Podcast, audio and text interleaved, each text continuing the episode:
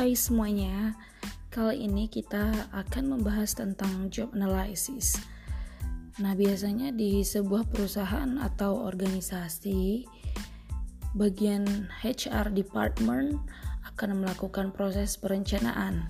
Nah, salah satu yang dilakukan di dalam proses perencanaan tersebut yaitu melakukan analisa pekerjaan atau job analysis. Nah, sebelumnya kita harus tahu dulu dong apa definisi dari job analysis. Nah, job analysis atau analisis pekerjaan merupakan prosedur untuk menetapkan tugas dan keterampilan yang dibutuhkan sebuah pekerjaan dan juga tipe orang yang tepat untuk pekerjaan tersebut. Nah, selain itu, uh, job analysis juga bisa dibilang suatu proses untuk menganalisis dan mendesain pekerjaan apa saja yang harus dikerjakan, kemudian bagaimana sih mengerjakannya, dan mengapa pekerjaan itu harus dikerjakan. Nah, dari hasil analisis pekerjaan atau job analysis tadi, terdapat dua bagian Ya, hasil yang pertama yaitu deskripsi pekerjaan atau yang sering kita dengar dengan job description atau disingkat job desk. Nah, job desk ini adalah uh, what is expected in the job, seperti daftar tugas, tanggung jawab, aliran pertanggungjawaban, kemudian proses pelaporan, kondisi kerja, dan tanggung jawab kepenyediaan yang dituntut oleh suatu pekerjaan. Nah, kemudian hasil dari analisis pekerjaan yang kedua yaitu spesifikasi pekerjaan. Ya, spesifikasi pekerjaan atau job specification. Nah, job specification ini adalah states the qualification and experience that is required in the job atau di job specification ini menyatakan tentang kualifikasi, kemudian pengalaman yang dibutuhkan dalam sebuah pekerjaan. Kemudian di job specification ini juga adanya uh, jabaran tentang tuntutan pekerjaan terhadap aspek kemanusiaan. Eh, maaf, maksudnya aspek manusianya yang menyangkut seperti syarat pendidikannya, syarat keterampilannya, dan juga syarat uh, soft skill atau kepribadian yang dimiliki oleh pekerjanya.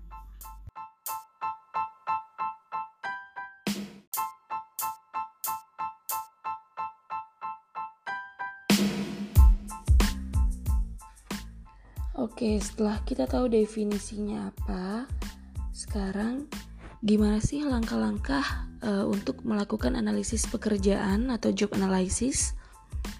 Oke, langkah yang pertama yaitu kita tentukan dulu kegunaan hasil dari informasi analisis pekerjaan tadi apa.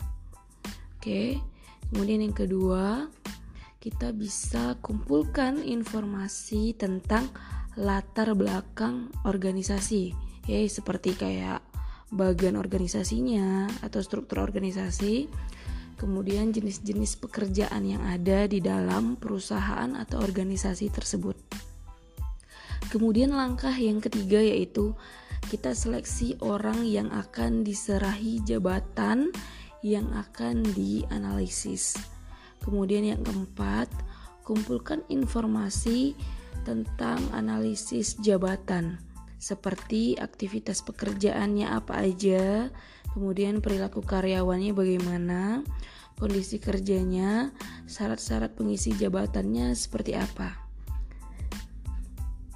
Kemudian uh, langkah yang kelima yaitu kita melakukan verifikasi kebenaran data atau informasi kepada pekerja dan atasan secara langsung. Oke, kemudian yang keenam, kita susun uraian pekerjaan dan spesifikasi pekerjaannya.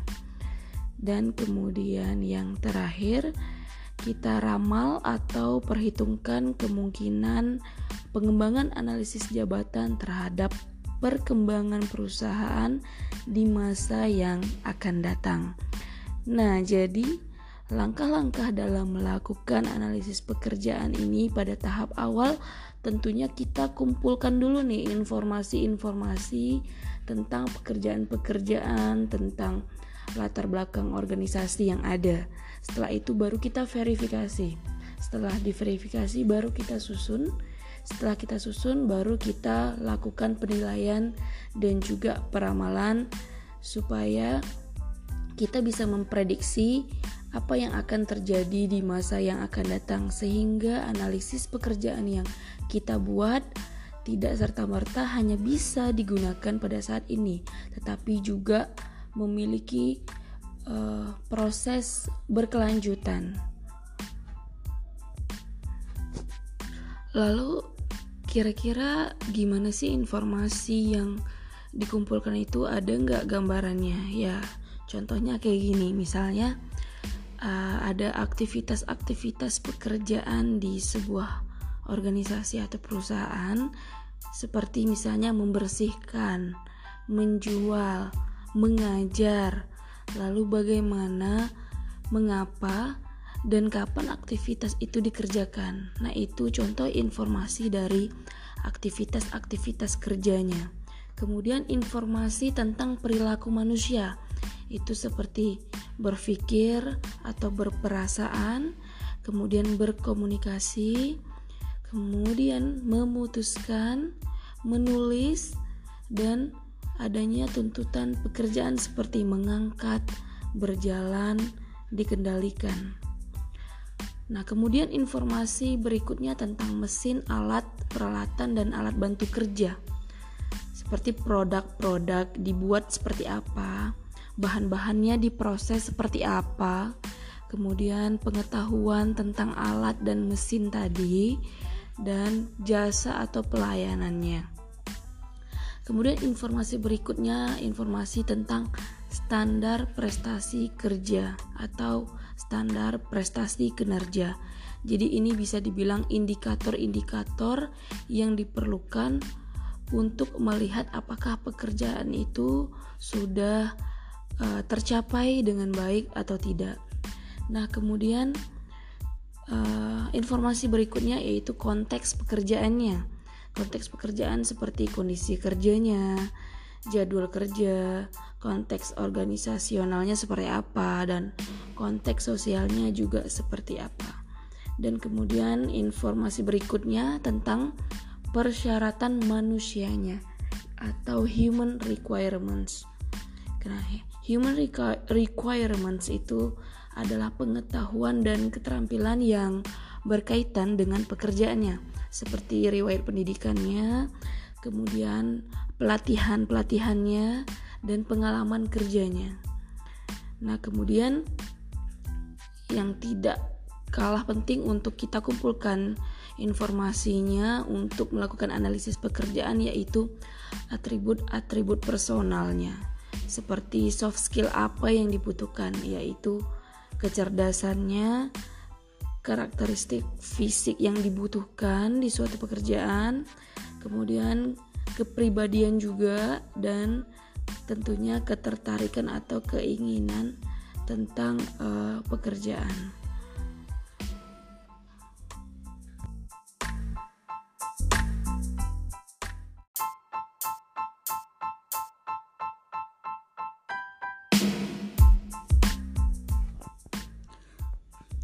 Oke, setelah kita tahu definisinya, kita tahu langkah-langkah membuat uh, job analysis. Sekarang kira-kira informasi yang sudah kita kumpulkan tadi buat apa sih? Nah, informasi dari analisis pekerjaan tadi bisa kita gunakan yang pertama untuk melakukan rekrutmen dan seleksi. Jadi, analisis pekerjaan menyediakan informasi tentang apa pekerjaan yang dilakukan, dan karakteristik manusia yang dibutuhkan untuk melakukan pekerjaan tersebut. Kemudian juga bisa membantu manajemen memfokuskan siapa yang dipilih untuk direkrut dan dipekerjakan. Kemudian, informasi ini juga berguna untuk kompensasi. Jadi, analisis pekerjaan menyediakan informasi untuk menentukan nilai setiap pekerjaan dan kelas yang tepat bagi tiap pekerjaan tersebut. Ya, seperti nilai pekerjaannya, kemudian gaji, bonusnya gimana sih? Lalu informasi tadi bisa juga digunakan untuk penilaian kinerja. Jadi manajer menggunakan analisis pekerjaan untuk menentukan aktivitas khusus pekerjaan dan standar kinerja dari pekerjaan tersebut. Jadi seperti guideline-nya gitu loh untuk uh, menilai. Jadi kalau kayak di kampus itu seperti uh, syarat kelulusan indikatornya apa kalau misalnya mahasiswa bisa mencapai nilai di atas sekian nah, jadi karena ada uh, guideline-nya tadi atau rencananya rencana pembelajaran semester kita jadi bisa menilai. Seperti itu kira-kira. Nah kemudian ada lagi nih kegunaan dari informasi analisis pekerjaan. Ya tadi ada rekrutmen dan seleksi kemudian kompensasi kemudian penilaian kinerja. Sekarang uh, informasi tadi bisa kita gunakan untuk uh, melakukan pelatihan. Jadi deskripsi pekerjaan memperhatikan aktivitas dan keterampilan ya oleh karena itu pelatihan yang diperlukan dibutuhkan apa kira-kira nah jadi dari analisis pekerjaan tadi perusahaan atau organisasi bisa melakukan analisis kebutuhan pelatihan ya atau training need analysis. Nah, kemudian yang berikutnya, informasi tersebut juga bisa digunakan untuk melakukan pemantauan pelaksanaan pekerjaan. Ya, ini membantu menemukan tugas yang belum ditetapkan. Jadi bisa jadi ternyata ada pekerjaan-pekerjaan yang yang penting tapi belum uh, kita tulis. Nah, jadi dari adanya analisis pekerjaan yang udah didokumentasikan, kita bisa melihat, kita bisa memantau kira-kira tugas atau pekerjaan apa nih yang ternyata belum di, diisi, belum dilakukan uh, analisis. Oke, kemudian yang berikutnya penggunaan informasi bisa dilakukan untuk mengevaluasi jabatan. Nah, informasinya memberikan pemahaman yang jelas mengenai berat atau ringannya pekerjaan, kemudian besar kecilnya resiko yang dihadapi pekerja. Kemudian juga kita bisa melihat sulit atau mudahnya mendapatkan personil. Dengan demikian, perusahaan dapat menetapkan gaji pada posisi jabatan tersebut. Kemudian, informasi bisa digunakan untuk melakukan promosi dan pemindahan. Ya, promosi dan pemindahan ini uh, informasi analisis tersebut digunakan untuk membantu menentukan promosi ataupun pemindahan karyawan. Kemudian, pengguna informasi analisis pekerjaan juga bisa digunakan untuk pemerkayaan pekerjaan informasinya dapat dipergunakan untuk memperkaya pekerjaan pada suatu jabatan tertentu. Kemudian bisa juga dilakukan untuk penyederhanaan pekerjaan. Kalau tadi memperkaya, sekarang menyederhanakan. Jadi, informasi analisis jabatan digunakan juga untuk penyederhanaan atau spesialisasi pekerjaan dengan perkembangan perusahaan dan spesifikasi yang mendalam mengakibatkan pekerjaan-pekerjaan yang harus dilakukan dalam suatu jabatan semakin terspesialisasi. Nah, jadi nggak nggak apa ya namanya nggak satu orang ngerjain semua tugas, tapi adanya analisis pekerjaan kita bisa melihat oh orang ini spesialisasinya ini nih. Nah kayak gitu. Nah, kemudian yang berikutnya penempatan. Nah, informasi analisis jabatan digunakan untuk menempatkan para karyawan pada pekerjaan-pekerjaan yang sesuai dengan keterampilan agar mereka bekerja secara efektif. Efektif di sini artinya put the right man in the right place. Artinya kita menempatkan orang yang tepat pada tempat yang tepat. Jadi jangan sampai kita meletakkan uh, karyawan pada tempat yang salah dan juga posisi yang salah. Itu artinya penempatan tersebut tidak efektif. Nah, kemudian peramalan dan perekrutan. Jadi informasi analisis jabatan digunakan untuk peramalan dan perekrutan tenaga kerja yang akan dibutuhkan perusahaan. Dan yang terakhir, informasi dari analisis pekerjaan bisa digunakan untuk orientasi dan induksi. Nah, jadi informasi ini digunakan untuk orientasi dan induksi bagi karyawan baru mengenai sejarah perusahaan, hak dan kewajibannya, serta menginduksi dan lainnya. Jadi ini kayak ospek gitu. Jadi misalnya kamu masuk ke company baru, nanti dia uh, nanti karyawan manajer HR akan ngasih tahu nih, uh, kamu tugasnya ini loh, ini sejarah organisasi ini. Nah, ini bisa dilakukan dengan informasi dari analisis pekerjaan tadi. Jadi dengan adanya analisis peker, informasi analisis pekerjaan, kita tidak akan kesulitan untuk melakukan orientasi dan induksi bagi karyawan-karyawan baru. Nah, kemudian gimana sih caranya kita mengumpulkan informasi tentang analisis pekerjaan ini? Nah, itu ada metode-metodenya. Metode yang pertama kita bisa lakukan dengan interview atau wawancara. Metode yang kedua dengan questionnaire. Metode yang ketiga kita lakukan dengan observasi atau mengamati secara langsung. Kemudian bisa kita lakukan dengan melihat buku harian partisipan dan kemudian kita bisa lakukan dengan teknik-teknik uh, kuantitatif dan yang berikutnya kita bisa mengumpulkan berbagai sumber informasi yang diperlukan baik itu dari internet, dari media sosial atau apa pun yang dapat membantu kita untuk melakukan analisis pekerjaan.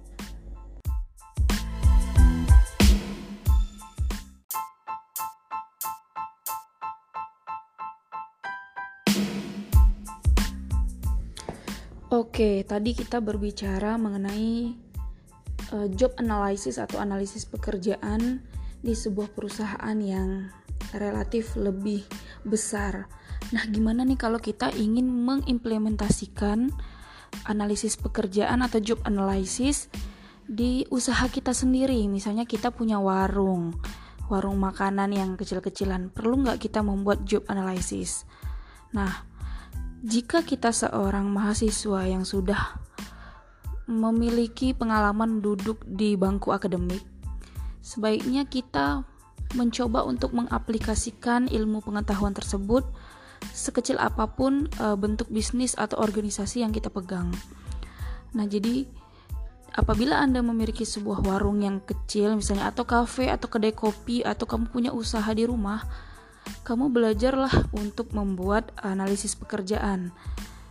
Jadi yang pertama kamu buat yaitu kamu kumpulkan dulu informasinya kira-kira apa saja pekerjaan yang dibutuhkan di bidang usaha kamu.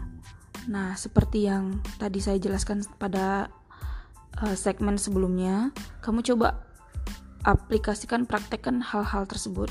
Kamu lihat apa saja yang dikerjakan, bagaimana sifatnya, bagaimana keadaannya.